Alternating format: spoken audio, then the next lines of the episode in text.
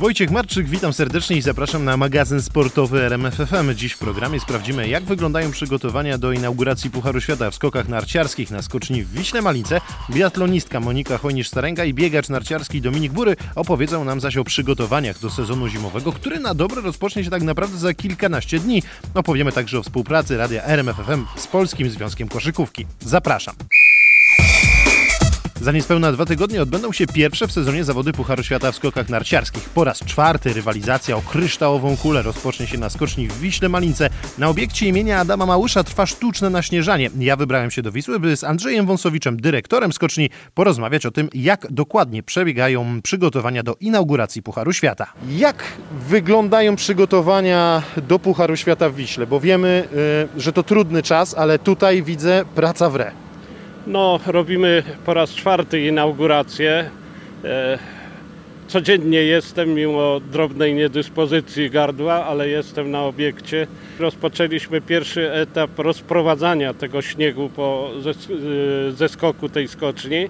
Autami transportujemy go pod próg, po to, żeby mieć tam u góry taką żelazną rezerwę, bo łatwiej jest maszynami przepchnąć ten śnieg na dół, niż go wypychać do góry a poza tym będziemy już w przyszłym tygodniu lodowe tory robić niezbędny jest tam śnieg. Zakładamy, że 25 samochodów o pojemności tak 11 e, metrów sześciennych każdy wywiezie to do góry. Tam mamy maszynę, która ubija, rozprowadza. Tam jest zarówno z bandami, przykryjemy to i czekamy co dalej. Od poniedziałku kolejny etap. Dwie maszyny, które są już gotowe, wyruszają i transportujemy pomału śnieg do góry po to, żeby osiągnąć gdzieś pod koniec przyszłego tygodnia mm, moment, w którym będziemy rozprowadzonym mieli śnieg. Robię to wszystko po analizie mm, pogody, jaka będzie pogoda. W nocy spodziewamy się około zera, tutaj jest zawsze zimniej na skoczni. E, raz, że od śniegu, dwa, tu słońce nie zagląda. W związku z tym nie ma e, na tą chwilę zagrożenia, że ten śnieg nam ucieknie, a mamy go na tyle, że jesteśmy w stanie e, już go rozprowadzać z założeniem, że go nie braknie. Spora góra tego śniegu nam tu się na samym dole ze skoku znalazła. Gdzie jesteśmy? Ile tak litrażowo, metrami sześciennymi tego trudno powiedzieć białego puchu, bo to bardziej taki lodzik jest. E, ile tego takiego sztucznego śniegu mamy zgromadzone? No więc ja co rano robię sobie taką dokumentację, zdjęcie wodomierza plus e, przelicznik. Tutaj się stosuje e, taki przelicznik e, 1 metr sześcienny wody razy 1,3 e, to jest objętość śniegu. Ponad 2000 metrów sześciennych tego śniegu, licząc jeden za jeden. E, licząc według tego współczynnika, który stosuje się na świecie, bo sprawdzaliśmy u kolegów e, w Skandynawii, jak się to liczy. I mamy rację, mamy już 2,5 tysiąca, czyli e, nasze założenie, że w przyszłym tygodniu, jeśli kadra będzie chciała, e, to może będzie już możliwość skakania, ale na pewno chcemy tutaj uruchomić naszych przedskoczków, żeby zobaczyć, jak ten zeskok się zachowuje, żeby znowu nie było narzekań, że w Wiśle było pierwszy dzień. Nierówno, chcemy to zrobić naprawdę perfekcyjnie i dlatego wcześniej rozpoczynamy niż e, każdego roku te działania. Zawsze problemem jest pogoda, bo Puchar Świata w Wiśle dość wcześnie jest rozgrywany. Te temperatury z roku na rok zimowe nam też troszkę rosną, tak trzeba powiedzieć, i trudniej jest się mm, przygotować. Wy już macie też parę lat doświadczeń i dlatego też mm, zaczynacie wcześniej, a w tym roku ta pogoda pomaga, utrudnia, czy jest taka w miarę neutralna, bo pamiętam zeszły rok e, dużo na plusie było, bo jeszcze w listopadzie było przecież 15 stopni na plusie. Mm, bardzo drżeliśmy e, o to, czy uda się wszystko przygotować. E, początek mieliśmy trudny, bo były intensywne opady deszczu, ale z kolei zachmurzenie powodowało, że popołudniami temperatura była w granicach plus 7, plus 5, co sprzyjało. Były 2-3 dni takie trudniejsze dla nas, gdzie choćby teraz w słońcu jest gdzieś 12 stopni, ale tutaj e, odczuwamy to, temperatura jest niższa, tu jest poniżej 10 i to nam daje gwarancję, że ten śnieg się e, nie gubi w ten sposób, tak jak to było dwa lata temu, to już było apogeum. 17-18, pamiętam naszą rozmowę tutaj, kiedy się wszystko lało i, i uciekało. Ja mówię, obserwuję te, te prognozy pogody, one są optymistyczne, bo tak to nie zaryzykował e, decyzji o rozciąganiu tego śniegu. Będziemy mieli, e, że tak powiem, czas e, i swobodę dobrego przygotowania tego obiektu. Tym bardziej jak nasi radiosłuchacze wiedzą, że wybiera się do nas rekordowa ilość ekip, bo 17. Na razie tylko wycofali się Francuzi z różnych względów, które tam u nich w kraju się pojawiły a reszta y, ma do nas przyjechać, czyli około 80 skoczków. Niespotykana ilość taka. I dlatego musimy im perfekcyjnie przygotować tą skocznię. Adam Małysz był tutaj na spotkaniu, zresztą e, ciągle przejeżdża, robi zdjęcia i dzwoni do mnie, e, jak tu wygląda. I jest to optymistycznie. Nasi, nasza kadra ma w przyszłym tygodniu zgrupowanie w Zakopanem. Jak zobaczą na kamerkach, że skocznia jest biała, to sądzę, że przyjadą. Teraz jak to będzie technicznie wyglądało? Bo troszkę o tym mówiliśmy. Spora góra śniegu. Tutaj na zeskoku ciężarówkami ona gdzieś boczną drogą jest transportowana tam tuż pod zeskok, tuż pod próg skoczni, tak żeby to trochę obrazowo wytłumaczyć. Dwa lata temu udało się nam y, zrobić y, drogę taką, która prowadzi pod sam próg i ona nam teraz bardzo pomaga, bo nie jest daleko. Jedna ciężarówka to precyzyjnie obliczyłem, po załadowaniu to pokonuje 25 minut, wyładuje się i jest z powrotem. To pozwala nam, e, jeszcze raz powtórzę, dobrze przygotować zeskok skoczni, bo ostatnia rozmowa z Pertile była taka, że wy już wiecie, jak to robić, przygotujcie perfekcyjnie. A ja liczę jeszcze na to. Starzy górale Beskidzcy mówią, że w połowie listopada mogą się pojawić mrozy, a nawet opady śniegu. Byłoby to idealne, gdyby na tą powierzchnię tego lodu ubitego, bo my ciągle e, ubijamy ten śnieg na dole, żeby on się w tej pryzmie lepiej trzymał. I świeży śnieg to byłoby to idealne. Jest takie jakieś miejsce na skoczni, które najtrudniej naśnieżyć, na którym najtrudniej rozłożyć e, tą warstwę tego sztucznego śniegu? Największy problem to jest właśnie tak zwana bula, tam gdzie się rozpoczynają te tabliczki 56 metr. E, tam jest najtrudniej wytransportować ten śnieg. W związku z tym e, ta decyzja o wożeniu go do góry, bo jak mówię, łatwiej go jest z góry rozprowadzić niż wyciskać do góry. No i oczywiście 36 stopni nachylenie tutaj, ale obie maszyny są e, sprawne. Nowa lina w tym dużym ratraku.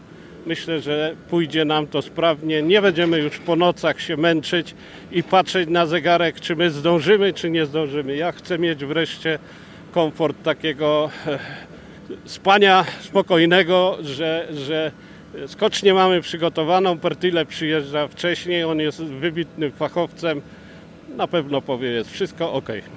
W przyszłym tygodniu ci, którzy często podglądają skocznie na Wiśle Malice, będą mogli zobaczyć więc tutaj pracujące na zeskoku ratraki. Tak od poniedziałku, gdzieś tak po kawie porannej zaczniemy dwoma maszynami rozprowadzać ten śnieg. To, to niestety 3-4 dni będzie trwało, bo to trzeba bardzo równiutko podpychać, y, przycisnąć gąsienicami, żeby się nie obsunęło i dlatego potrzeba nam czasu i, y, że tak powiem, jasności. A poprzednie lata, jak mówię, patrzyłem na zegarek, czy my zdążymy, czy nie zdążymy. Chcę już tego uniknąć. Biegacz narciarski Dominik Bury w poprzednim sezonie dał nam nieco powodów do zadowolenia. Zdobył punkty Pucharu Świata, zajął także przyzwoite 24 miejsce w klasyfikacji generalnej Tour de Ski. Teraz, jak mówi, będzie chciał zrobić kolejny krok do przodu w swojej karierze. O nadchodzącym sezonie i przygotowaniach do niego z Dominikiem Burym rozmawiał Patryk Serwański. Dominik Bury, biegacz narciarski, opowiedz proszę, jak przebiegają Twoje przygotowania do zimowego sezonu i czy pojawiające się oraz no, znikające w ostatnich miesiącach obostrzenia różnego typu miały jakiś mm, wpływ na te przygotowania? Dotychczas y, nie było żadnych zmian. No w zasadzie można powiedzieć, że do października. Wyruszyliśmy już w maju na obóz idealnie, jak y, rząd trochę poluzował obostrzenia. W tym samym dniu rozpoczęliśmy zgrupowanie tak, jak mieliśmy już wcześniej zaplanowane i, i to było naprawdę mega pozytywne, że co do dnia się wstrzeliliśmy. No i y, przygotowania przebiegały mm, tak, jak mieliśmy w planie. Tylko teraz y, mieliśmy trochę problemy, mieliśmy jechać do Szwajcarii po Dachsteinie trochę się nam pozmieniało. Później mieliśmy wylot na Skandynawię do, do Munio. Mm, a oficjalnie będziemy lecieć do Rowaniemi, jeśli będzie wszystko w porządku. Więc tutaj zaczynają być takie delikatne zmiany. No i mam nadzieję, że, że nie będzie jakichś konkretnych większych zmian, jeśli chodzi o Puchary Świata y, nadchodzące. No, ale jeśli chodzi o, o przygotowania, to myślę, że przebiegły pomyślnie i tak jak mieliśmy w planach. A jak się przygotować do sezonu, który nie wiadomo jak będzie wyglądał? Oczywiście mamy kalendarz e, startów, ale no nie wiemy, chyba nikt nie wie, czy uda się go w 100% zrealizować. Jak do tego podchodzisz? E, chyba głównie chodzi mi o taką sferę mentalną. Jak się z tym czujesz? Hmm, tak szczerze powiem, że jeżeli myślę o tym, że miałyby być wszystkie zawody odwołane wraz z Mistrzostwami Świata w, Oberstdorfie, to no, troszkę mógłbym poczuć się zawiedziony, taki zdemotywowany, ale staram się obracać to wręcz właśnie przeciwnie, żeby cały czas się motywuję, żeby się przygotować, żeby się przygotować, bo inni zawodnicy mogą podchodzić w ten sposób. No i no nie wiem, no staram się wykonywać wszystko tak, jak bym się przygotował naprawdę do, do zawodów, że bez zaburzeń, bez jak najmniejszej zmiany. No i, i żywię nadzieję, że będzie wszystko w porządku. No to, to mnie ratuje. Myślę, że nadzieja że będzie wszystko w porządku. Zaskoczyłeś kibiców dobrymi wynikami w poprzednim sezonie, chociażby 24 pozycja w Tour de Ski. Czujesz, że po tych ostatnich miesiącach przygotowań jesteś mocniejszy w jakichś aspektach, a jeśli tak, to w których? Czy czuję się lepszym zawodnikiem? No w zasadzie każdego dnia staram się właśnie stawać lepszym zawodnikiem i dawać sobie nowe wyzwania. Nie, to jest taka oklepana formułka, która może każdy sportowiec powiedzieć, ale y, myślę, że staram, mm, że dojrzewam, o, że jestem bardziej dojrzalszym zawodnikiem i jestem w tym okresie takiego właśnie dojrzewania w tym sporcie. No, wchodzę chyba na jakiś może inny etap do podchodzenia do tego wszystkiego i myślę, że ogromnego profesjonalizmu. Czy jakimś wyznacznikiem tego, czy rzeczywiście jesteś lepszy, będzie na przykład większa liczba punktów zdobytych w Pucharze Świata, czy to jakoś będzie inaczej rozliczane? Mam na myśli takie stosunki po prostu twoje z trenerem, czy to jak ty sam będziesz to odbierał? Muszę powiedzieć, że myślę, że jedno z drugim jest powiązane. Mm, myślę, że wyniki później mocno się przekładają na to, jak człowiek podchodzi, ale myślę, że chciałbym mm, dużo dojrzalej podejść do tego, w, jeżeli mi nie pójdą zawody, żeby podejść do tego z taką, z taką pokorą i, i, szacunkiem. I tak samo w momencie, kiedy będą super wyniki, naprawdę taki, który by się sam bym się nie spodziewał, czy inni by się nie spodziewali, też podejść do tego z taką pokorą, spokojem i, no i myślę, że żeby nad tym pracować. No i to myślę, że dojrzałych zawodników e, odróżnia od takich mniej, doj, mniej dojrzałych, nie? I to w każdej dyscyplinie, nie, nie tylko biegi narciarskie. Które dystanse i jaka technika to są te twoje mocne strony, a nad jakimi niedostatkami pracowałeś głównie w tych y, ostatnich miesiącach w okresie przygotowań? No myślę, że u mnie takim czołowym to są, y, jeśli chodzi o dystans, to jest 15 y, km, ale czy techniką dowolną, czy klasyczną, no to już możemy tam polemizować, bo tak naprawdę to zależy od trasy i od, od dyspozycji. Mogę pobiec super techniką klasyczną, ale jeśli mam powiedzieć swoją taką e, subiektywną opinię na ten temat, to chyba lepiej czuję się stylem dowolnym. Tam mogę dać z siebie znacznie więcej. Myślę, że to chodzi też o moją budowę ciała. Nie jestem wysokim zawodnikiem w stylu klasycznym, jednak potrzeba troszkę większych kijów, y, o to odepchnięcie i, jazda ma trochę jednak znaczenie. W, technice łyżwowej bardziej pracuję na nogach, y, odbijam się jeszcze dodatkowo mocno z nogi, taki krok łyżwowy i no myślę, że tam to jest mój taki konik. Jak się czujesz w sprintach, bo to jest taki dystans, który odgrywa przecież sporą rolę w Tour de Ski. Często też zawody odbywają się w centrach miast, są widowiskowe, to jest coś takiego fajnego dla kibiców. Czy ty w ogóle będziesz starał się jakoś łączyć swoje występy na dłuższych dystansach ze sprintem? Mam na myśli jakieś do, dobre wyniki w tym sprincie. Y, czy jednak no, długie dystanse to będzie ta twoja główna specjalizacja? Myślę, że moja specjalizacja to zdecydowanie będą dystanse i to dystanse 10 do 50 albo 15 do 50, no zale w zależności już, już nie ma dziesiątek, aczkolwiek mamy to jeszcze na, na biegach sztafetowych. Aczkolwiek sprinty dla mnie to jest taka super jednostka treningowa, nie? Bardzo dobrze pobudza mój organizm do działania i jeżeli mamy, mm, tak jak jest Tour de Ski, że między dystansami mamy jeszcze przełożone sprinty, czy mamy różne, mm, tak jak wrócę, zawsze mamy trzy dni, mamy triple ruka, to dla mnie to jest super sprawa, nie? Prze przebiec taki sprint, poczuć już zawody, zrobić y, super pobudzenie, bo i tak zawsze mam mm, szybki trening przed zawodami, więc ja to traktuję w formie treningu, ale nie wykluczam, że chciałbym biegać dobrze sprinty, nie? Ale nie, nie ukrywam, że nie jest to moja specjalność i jeżeli wyjdzie mi jakiś bieg w sezonie, w jakimkolwiek, to będę bardzo zadowolony i myślę, że kibice też będą zadowoleni. A powiedz, jak przebiegała współpraca z trenerem Lukasem Bauerem w ostatnich miesiącach? Jakieś nowe bodźce się może pojawiły, nowe metody treningowe, czy poszliście takim utartym szlakiem, który sprawdził się przed rokiem? No, myślę, że część była tych już udartych szlaków, e, bo nie da się po prostu tego zrewolucjonizować. E, nie ma takiej możliwości, aczkolwiek myślę, że trener Lukas Bauer jest e, mądrym trenerem i zawsze stara się wprowadzać jakąś nowość. Tak, poznał mnie już w poprzednim sezonie, czego mi brakuje i to nie tylko mnie dotyczy, ale każdego innego zawodnika. Czy to w szczególności też mojego brata, czy Maćka, czy jeszcze tam młodszych zawodników. E, myślę, że bardzo dużo myśli nad tym, jak to wszystko skomponować. I szczerze powiedziawszy, no, było widać efekty Mm, w okresie przygotowawczym i mieliśmy Mistrzostwa Polski. Tak naprawdę opinia tych Mistrzostw Polski była całkiem fajna. Wszyscy byli zadowoleni. Powiedzieli, że pierwszy raz były na takim poziomie Mistrzostwa Polski. Nas to bardzo cieszy. Aczkolwiek sezon się zbliża, nie ma co tam zachwalać, ale myślę, że jako cała grupa wykonaliśmy bardzo, bardzo dobrą y, robotę i no, żeby tylko były tego efekty w zimie. No to jest chyba też ważne, żeby mieć nad sobą kogoś, kto w środowisku budzi respekt, ma renomę. Oczywiście no mówię o trenerze Bauerze, który jest przecież doskonale znany i kibicom i tym wszystkim, którzy jakby żyją wewnątrz tej wielkiej rodziny biegów narciarskich. No tutaj zdecydowanie. Mm, ja, dla mnie to jest może też taki plus, że ja jestem dystansowcem, trener Lukas też był dystansowcem i on doskonale zna każdą trasę, gdzie tak naprawdę bardzo, bardzo boli, gdzie, gdzie będzie mocne cierpienie na tej trasie.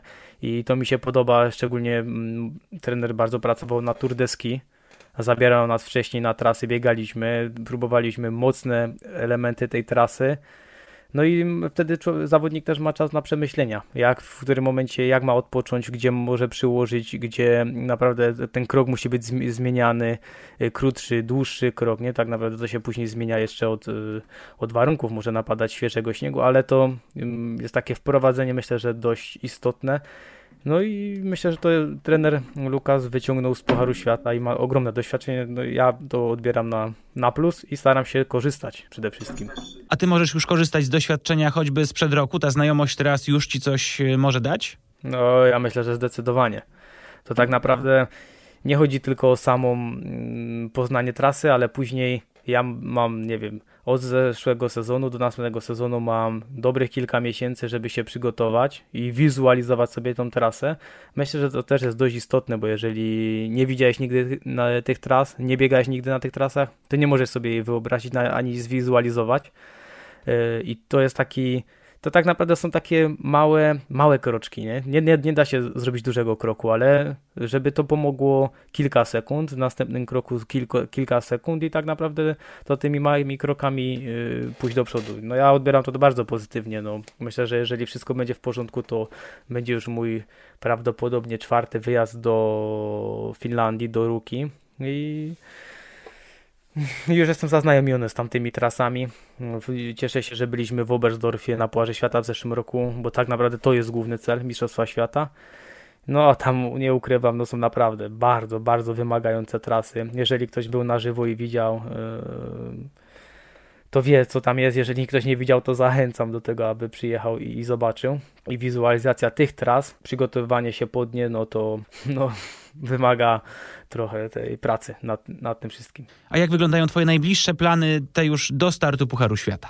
No myślę, że będziemy jechać do Rowaniemi, dlatego powiedziałem, że myślę, że wyjedziemy, bo nie wiadomo co, co będzie z obostrzeniami i we Finlandii i, i u nas, czy będzie jakiś drugi lockdown, czy, czy nie będzie. To jest dość istotne. No i jak będzie ze zdrowiem, no bo to tak naprawdę może się zmienić z dnia na dzień. Na razie czuję się w porządku, nie czuję żadnego zagrożenia i nie mam zamiaru e, chorować, to jest wiadome, ale sytuacja na świecie zmienia się z dnia na dzień I mówię, na, na razie będzie wyjazd do Rowaniemi, tam będziemy trenować, yy, nawet powiedzieć trochę aklimatyzować. No i później przejazd na Puchar Świata, to będą nasze drugie starty i oby się to wszystko odbyło. Polscy biatloniści i biatlonistki rozpoczęli ostatnie przygotowania do nowego sezonu Pucharu Świata. Biało-czerwoni wylecieli na obóz do Finlandii. To właśnie w tym kraju, a dokładnie w Kontiolahti w ostatni weekend listopada rozpocznie się rywalizacja o pierwsze w sezonie punkty. O nadchodzącym sezonie i przygotowaniach do niego ja rozmawiałem z Moniką Hojnisz-Staręgą. Dzisiaj naszym gościem jest reprezentantka Polski w biatlonie Monika Hojnisz-Staręga. Witam cię serdecznie. Witam. Znowu wróciliśmy do takich czasów, kiedy rozmowę chyba trzeba zacząć od tego, jak się czujesz, jak zdrowie, bo, bo to jest takie bardzo ważne pytanie, tym bardziej, że no, już zaczynacie, można powiedzieć, e, ostatnie zgrupowanie przed sezonem Pucharu Świata. E, czuję się dobrze, jeżeli chodzi o moje takie ogólne samopoczucie. Ogólnie też jest ok, aczkolwiek jestem e, bardzo ciekawa tego sezonu, bo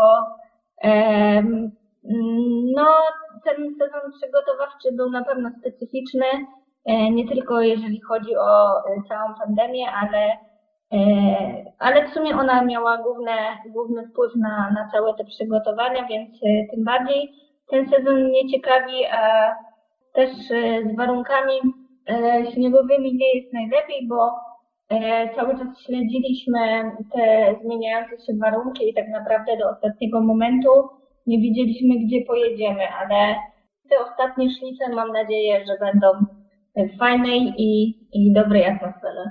No właśnie, bo lecicie do Finlandii, tam te ostatnie przygotowania, to też taki trochę dla was plus, że będziecie się przygotowywać, można powiedzieć, trochę na miejscu, no bo pierwsze zawody Pucharu Świata w Kontiolahti. E, powiem tak, fajnie, że y, Planowo było tak, że mieliśmy jechać do miejsca niedaleko mm, konsulacji, tam gdzie e, będą się pierwsze dwa puchary. Mm, ale niestety, no właśnie tak jak wspomniałam, dostaliśmy informację, że tam te warunki y, z dnia na dzień są coraz gorsze przez y, pogodę, bo pada deszcz. Mm, więc y, ostatecznie zdecydowaliśmy, że jedziemy do konsulacji. Więc jedyna rzecz, która mnie przeraża, to, że jadąc tam na zgrupowanie, wyjeżdżając już teraz, tak naprawdę do e, pierwszych startów tam jesteśmy i kolejne dwa puchary tam mamy, więc to jest e, szmat czasu. E, boję się, co, co się stanie z moją psychiką po takim czasie w jednym miejscu. Powiem mm, tak, że no, miejsce może nie najlepsze dla mnie. Generalnie nie lubię tego miejsca. Nie lubię kontylacji, nie lubię tam startować, ale dlatego, żeby się dobrze przygotować E, jakby mm, no, mm, jadę tam i e, no i myślę, że te warunki będą na tyle, żeby, e, żeby te, te ostatnie momenty przed pucharami pierwszymi dobrze przepracować, no i że też mm, nie będzie nam brakowało tego śniegu, a, a biorąc pod uwagę to, że są tam pierwsze puchary świata, to na pewno organizatorzy będą dbali o, o cały ten obiekt i o to, żeby te warunki były Wspominałaś o tym, że te przygotowania do sezonu bardzo dziwne i to nie tylko z powodu e, pandemii. Udało się gdzieś w ogóle, byliście oczywiście na zagranicznym zgrupowaniu także, tam widziałem po mediach społecznościowych, że był śnieg i można było trenować na śniegu, ale tego, tych miejsc, gdzie można dzisiaj trenować na śniegu i na nim się przygotować do sezonu jest bardzo niewiele tak naprawdę. E, no rzeczywiście, no pogoda na pewno nie, nie ułatwia i jest ich coraz mniej i te warunki są e, mogłabym powiedzieć, z roku na rok e, coraz bardziej takie e, do szukania, żeby, żeby one były w 100% dobre. E, ale no, mieliśmy okazję już bycia na śniegu, ostatnio na lodowcu, ostatnie zgrupowanie mieliśmy takie łączone i druga część tego zgrupowania była już na śniegu. Lodowiec który teoretycznie 20, 24 y, godziny na dobę ma śnieg przez cały rok, to y, też trochę platał figle, no bo oczywiście śnieg był, ale, ale warunki tam były różne, e, więc y, też jakby dużo, dużo możliwości na tych nartach nie mieliśmy, ale, ale taki akcent śniegowy był i fajnie było poczuć znowu te, no te, te, narty na nogach. Jak twoje mm, samopoczucie, chodzi mi o takie trenowanie do sezonu, bo zawsze jest jakiś element, nad którym staracie się skupić, który staracie się poprawić. W zeszłym sezonie tak było na przykład z jednym ze strzelań i ono wypaliło. Jak było w tym sezonie, jak było przed tym sezonem, na co kładliście główny nacisk? E, to znaczy trener e, Michał Grajs e, zawsze kładzie nacisk na technikę. To, to jest na pewno gdzieś tam u niego priorytet, oczywiście strzelanie też. Ja w dalszym ciągu również skupiałam się na strzelaniu. Poczyniłam mm, też taki krok na zmianę kolby przez pandemię i zamknięte granice i tak dalej gdzieś to się trochę przeciągnęło, że zrobiłam to w tym okresie, kiedy bym chciała, e, czyli w miarę szybko po sezonie, e, dopiero gdzieś w czerwcu, w lipcu. E, no ale cieszę się, że ogólnie ostatecznie udało mi się to zrealizować i, i tak się trochę teraz dogryzam z tą kolbą, bo od momentu, kiedy ją zrobiłam, zgrupowań było niewiele, więc, więc cały czas mam gdzieś tą tą chęć e, strzelania i, i, i pracowania nad tym wszystkim, dlatego też e, cieszę się, że już jedziemy na to zgrupowanie, no i e, my niestety wylecimy jutro i wrócimy na święta, ale takie życie sportowca, no i na tym, na tym ostatnim zgrupowaniu na pewno będę w dalszym ciągu chciała się gdzieś tam E, mm, zgrać z tą moją chorobą, pracować nad tymi e, niuansami, żeby to, e, żeby to dało efekt po prostu na startach. Dwa lata temu, pamiętam, kiedy rozmawialiśmy przed sezonem, mówiłeś, że cel to było pierwsza dziesiątka. Udało się. Potem rozmawialiśmy w zeszłym roku, mówiłeś, że chciałabyś ustabilizować formę, tak żeby dwa lata z rzędu być gdzieś w okolicy dziesiątki. Też się udało, bo miejsce dwunaste w ubiegłym sezonie. No to teraz pytanie, jaki jest cel Moniki Hojnisz-Staręgi na ten y, sezon, bo też mam wrażenie, że troszkę wymagania kibiców biatlonowych idą w górę, bo pokazałaś, że ta forma jest ustabilizowana i ta dyspozycja no, jest taka, jak, jakiej sama oczekiwałaś tak naprawdę. E, no to rzeczywiście z roku na rok gdzieś tą poprzeczkę sobie podnoszę i sama mam wobec siebie coraz większe wymagania. Mm, na pewno jeżeli chodzi o generalkę, to, y, to chciałabym w tej top 10 się znaleźć, jak nie lepiej poprawić po prostu dziesiąte miejsce, które e, w najlepsze osiągnęłam. E, no ta stabilizacja w dalszym ciągu, tutaj będę trochę monotonna, ale to jest jakby dla mnie priorytet i kluczowe, żeby, żeby liczyć się w każdym starcie, to żeby mm, ta forma biegowa była ustabilizowana e, i wtedy, no tak jak mówię, no wtedy jest te prawdopodobieństwo, że przy dobrym strzelaniu zawsze jest szansa na zrobienie dobrego wyniku. E, no i cóż, no i Mistrzostwo Świata chyba najważniejsze e, w całym, w całym sezonie, bo e, jak nie każde dyscypliny, biathlon ma co roku imprezę docelową. W tym roku jest nie inaczej. Mamy Mistrzostwa Świata w Pokiluce. Lubię to miejsce, jestem zmotywowana. No i chyba nie będę tutaj jakoś zaskakiwała, jeżeli powiem, że E, liczę tam na medal, no bo parę razy się, się otarłam i, i e, chciałabym powtórzyć te wspomnienia i to osiągnięcie przynajmniej z 2013 roku, kiedy to zdobywałam brąz. No właśnie, bo ta pokliuka dla ciebie bardzo szczęśliwa, bo mm, parę lat temu, kiedy sezon rozpoczynał się w pokliuce, no tam zajęłaś drugie miejsce, więc tak jak sama lubisz to miejsce chyba, które ci, ci leży, pasuje. Tak, faktycznie. E, dwa lata temu na inaugurację Pucharu Świata zdobyłam tam drugie miejsce. E, także no, nie ukrywam, że gdzieś tam te dobre, dobre rezultaty e, niosą za sobą dobre wspomnienia z danym miejscem. Mm, ale nie tylko, no lubię to miejsce, jest tam też wysokość, która zwykle mi nie przeszkadza. No i zobaczymy. Generalnie jestem pozytywnie nastawiona, teraz tylko po prostu czekać i i mieć nadzieję, że pandemia nie krzyżuje żadnych e, planów e, startowych e, i, i wszystko się odbędzie według planu. Ten sezon może być też przewrotny z powodu wirusa, z którym zmagamy się od ponad pół roku, bo nagle może się okazać, mimo tego, że, że czujecie się dobrze jako zawodnicy, to testy przed zawodami wyjdą pozytywne, no i będziecie odsunięci od startów, a co też powoduje utratę punktów, więc to może też mocno ważyć na tej klasyfikacji generalnej Pucharu Świata. E, no dokładnie, no też zdaję sobie z tego sprawę, że przygotujemy się cały rok, a potem właśnie takie rzeczy mogą gdzieś tam nas wykluczyć ze startu, e, powstrzymać i tak dalej. E, może być tak, że nie wiem jak to nazwać, trochę niesprawiedliwe czy sprawiedliwe, że ktoś tam nie będzie mógł do danego miejsca przyjechać, jakaś reprezentacja, albo nie wiem, będą musieli być na kwarantannie i tak dalej. Na pewno na pewno może być to dziwny sezon, szalony, e, no ale cóż, no myślę, że i tak najważniejsze mimo wszystko jest e, zdrowie, więc jak będą takie obostrzenia i, i takie kryteria, a nie inne, no to trzeba będzie się dostosowywać. E, no tak jak mówię, no bo zdrowie najważniejsze. U Was jak to będzie dokładnie wyglądało po każdym przy, przylocie, przed wylotem, po przylocie na miejsce, czy po przybyciu na miejsce będziecie przechodzić, rozumiem, testy?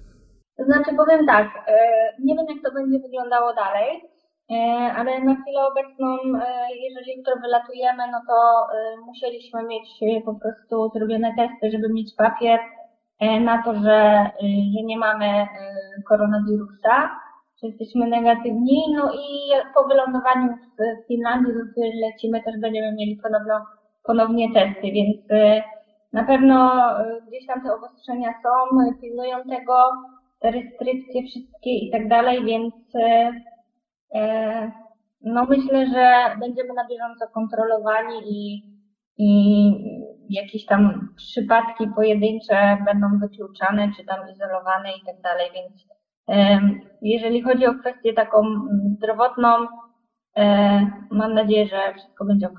Bardzo Ci dziękuję, Monika, za rozmowę. Trzymamy kciuki, żeby nie było problemów z testami, żebyś zawsze była negatywnie nastawiona do testów, a pozytywnie do wyników. E, powodzenia w tym sezonie. Do usłyszenia. Dziękuję, do widzenia. Od teraz najświeższe i najważniejsze informacje, a także ekskluzywne materiały dotyczące koszykarskiej reprezentacji kobiet i mężczyzn usłyszycie w RMFFM.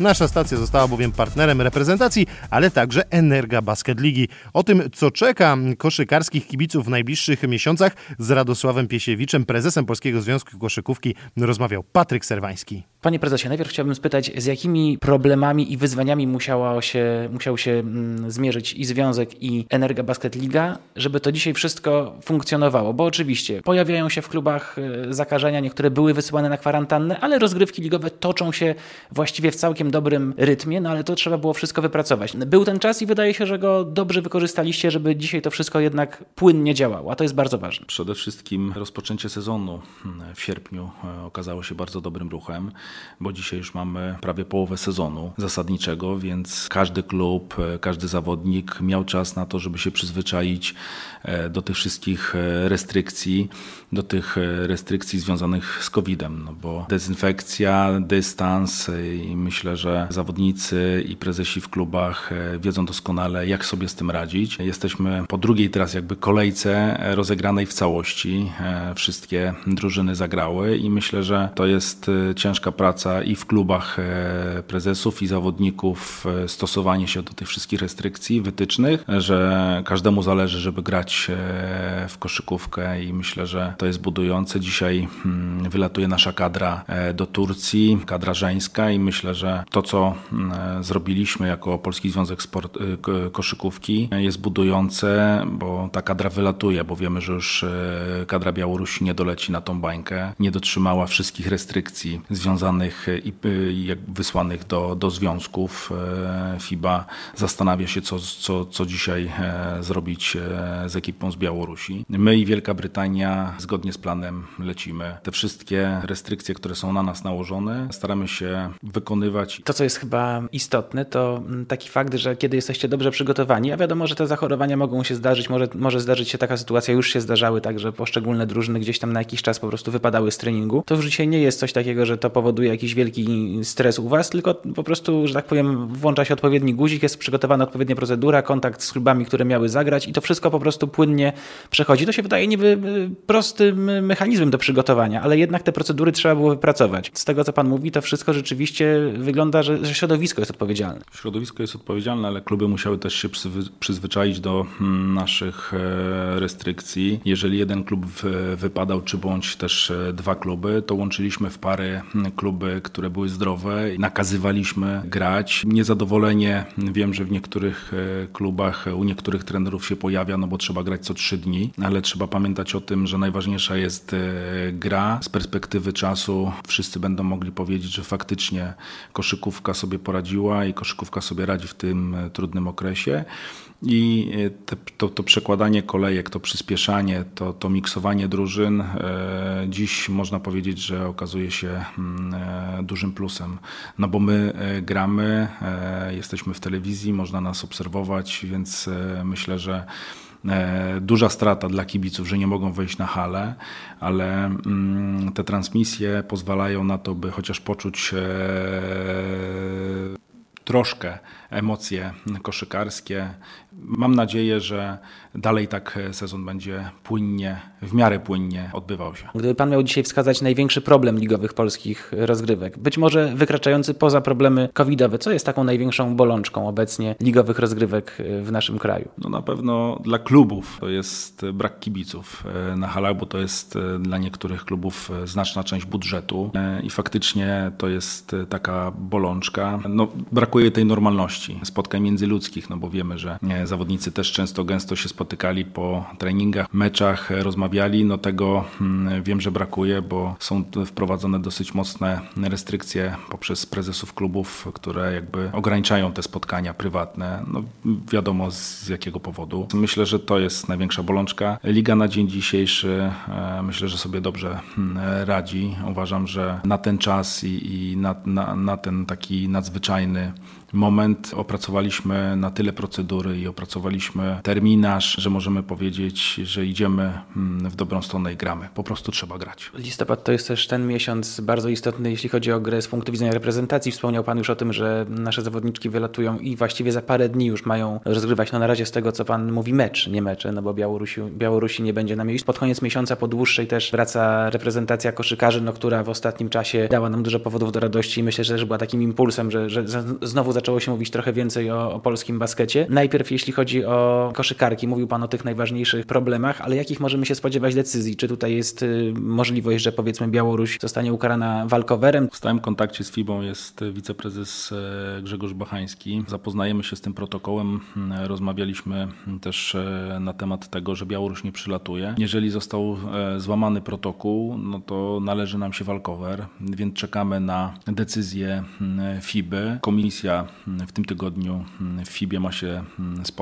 Na, na tą decyzję czekamy. Faktycznie lecimy do Turcji na jeden mecz z Wielką e, Brytanią. Jest to nowość. Oczywiście papier przyjmie wszystko. Są rozpisane protokoły. Dziewczyny i cały sztab będzie miał jeszcze dwa badania na miejscu. E, tutaj jesteśmy już po dwóch badaniach. Te zawodniczki, które mają negatywny i są w najlepszej formie, lecą, e, dadzą z siebie wszystko tam na parkiecie. Oby nas ominął COVID i, i, i żebyśmy normalnie mogli roz, rozegrać e, to okienko. Takie przetarcie przed tym, co będzie pod koniec listopada, bo pewnie pan się też ze mną zgodzi, że na razie kadra kobieca, która miała taki przecież okres e, fantastyczny, że trochę przyćmiła tą męską reprezentację, jeśli chodzi o wyniki, być może nawet o popularność przez jakiś czas, no to teraz to się znowu nam ta sinusoida zmieniła, gdzieś ta kobieca koszykówka reprezentacyjna trochę w tle tej męskiej, ale czy widzi pan tutaj perspektywę, musimy mówić w sporcie o perspektywie długoterminowej zawsze, widzi pan taką szansę, żeby dziewczyny, kobieca reprezentacja też za jakiś czas odnosiła jakieś sukcesy takie, które pozwolą gdzieś wrócić tej drużynie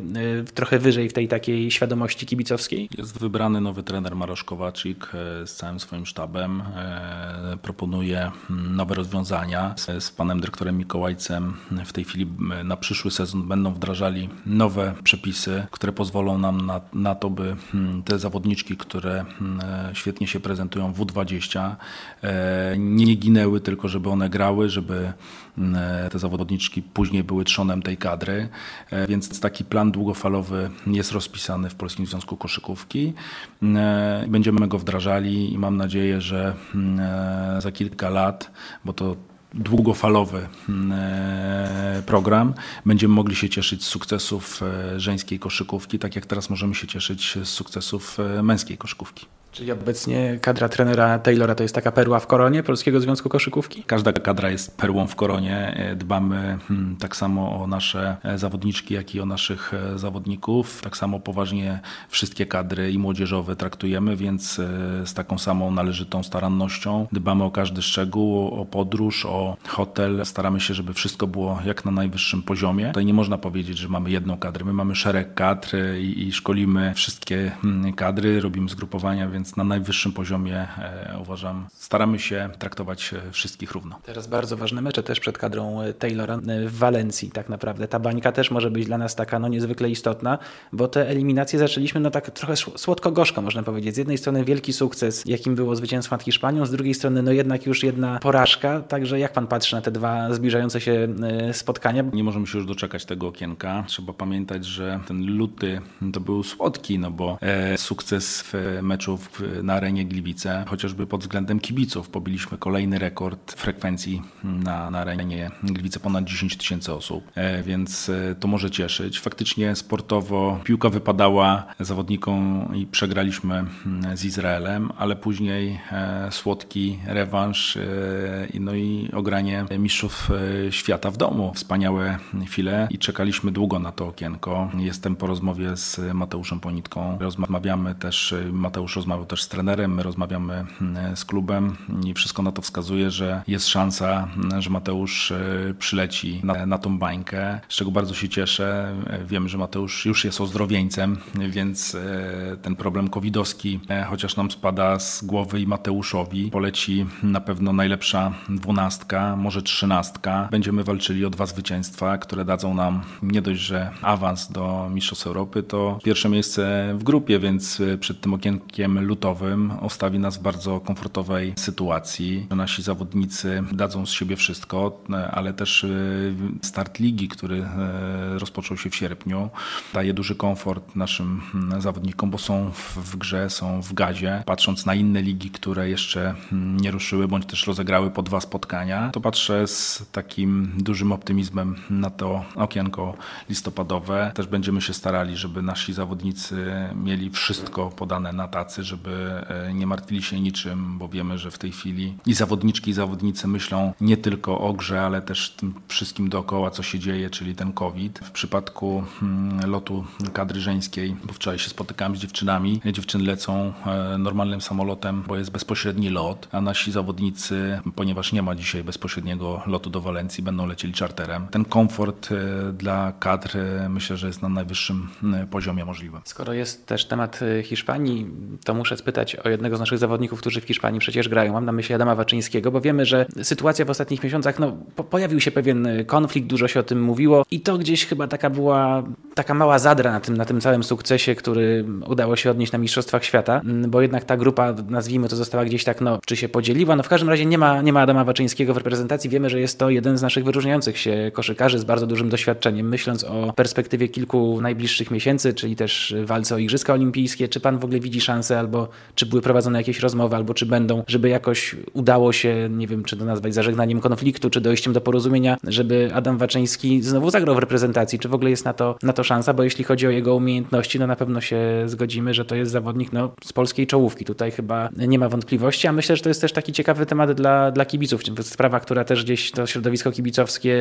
no, spowodowała jakieś duże emocje w tym środowisku kibicowskim. Myślę, że to sprawa ciekawa i ważna. Przede wszystkim e, zawodników do kadry powołuje Mike Taylor. Żaden prezes, ani ja, ani mój poprzednik e, nie miał wpływu i nie powołuje zawodników e, do gry w kadrze. I tyle w temacie.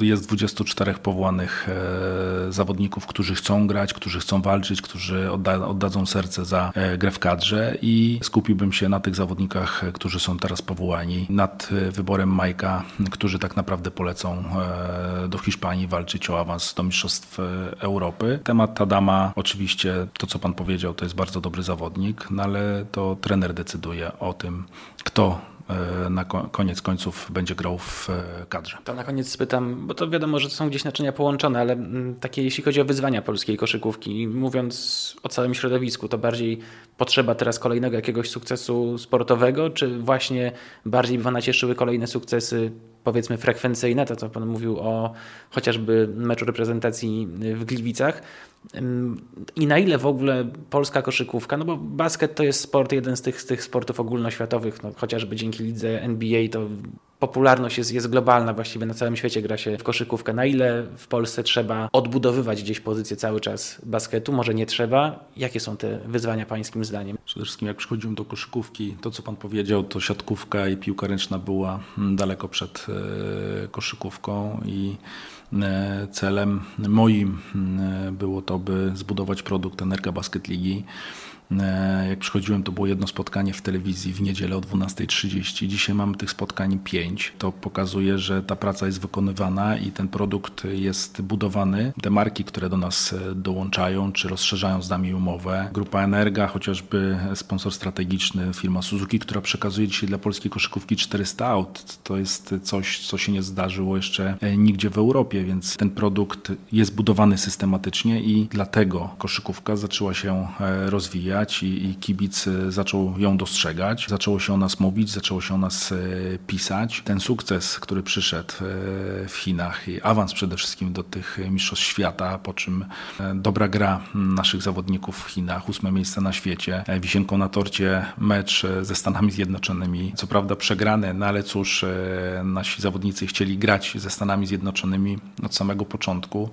Mówili, że to byłaby fantastyczna mm, dla nich przygoda i ta przygoda przerodziła przerodziła się w ogromny sukces, e, w coś niesamowitego. To cieszy, bo to było e, duże koło zamachowe e, polskiego basketu. No wiadomo, że za sukcesem wszyscy patrzą, wszyscy obserwują, wszyscy czytają i, i myślę, że to bardzo pomogło. A tak patrząc daleko w przyszłość, no to już dzisiaj mamy chociażby z, z, pierwszej ligi Suzuki męskiej, wszystkie transmisje w internecie za darmo dla kibiców, więc zaczyna się e, odbudowa tych rzeczy mm, z, związanych z produktem mm, na dole. To jest e, dobry przyczynek do tego, by móc e, mieć kontakt na co dzień z koszykówką.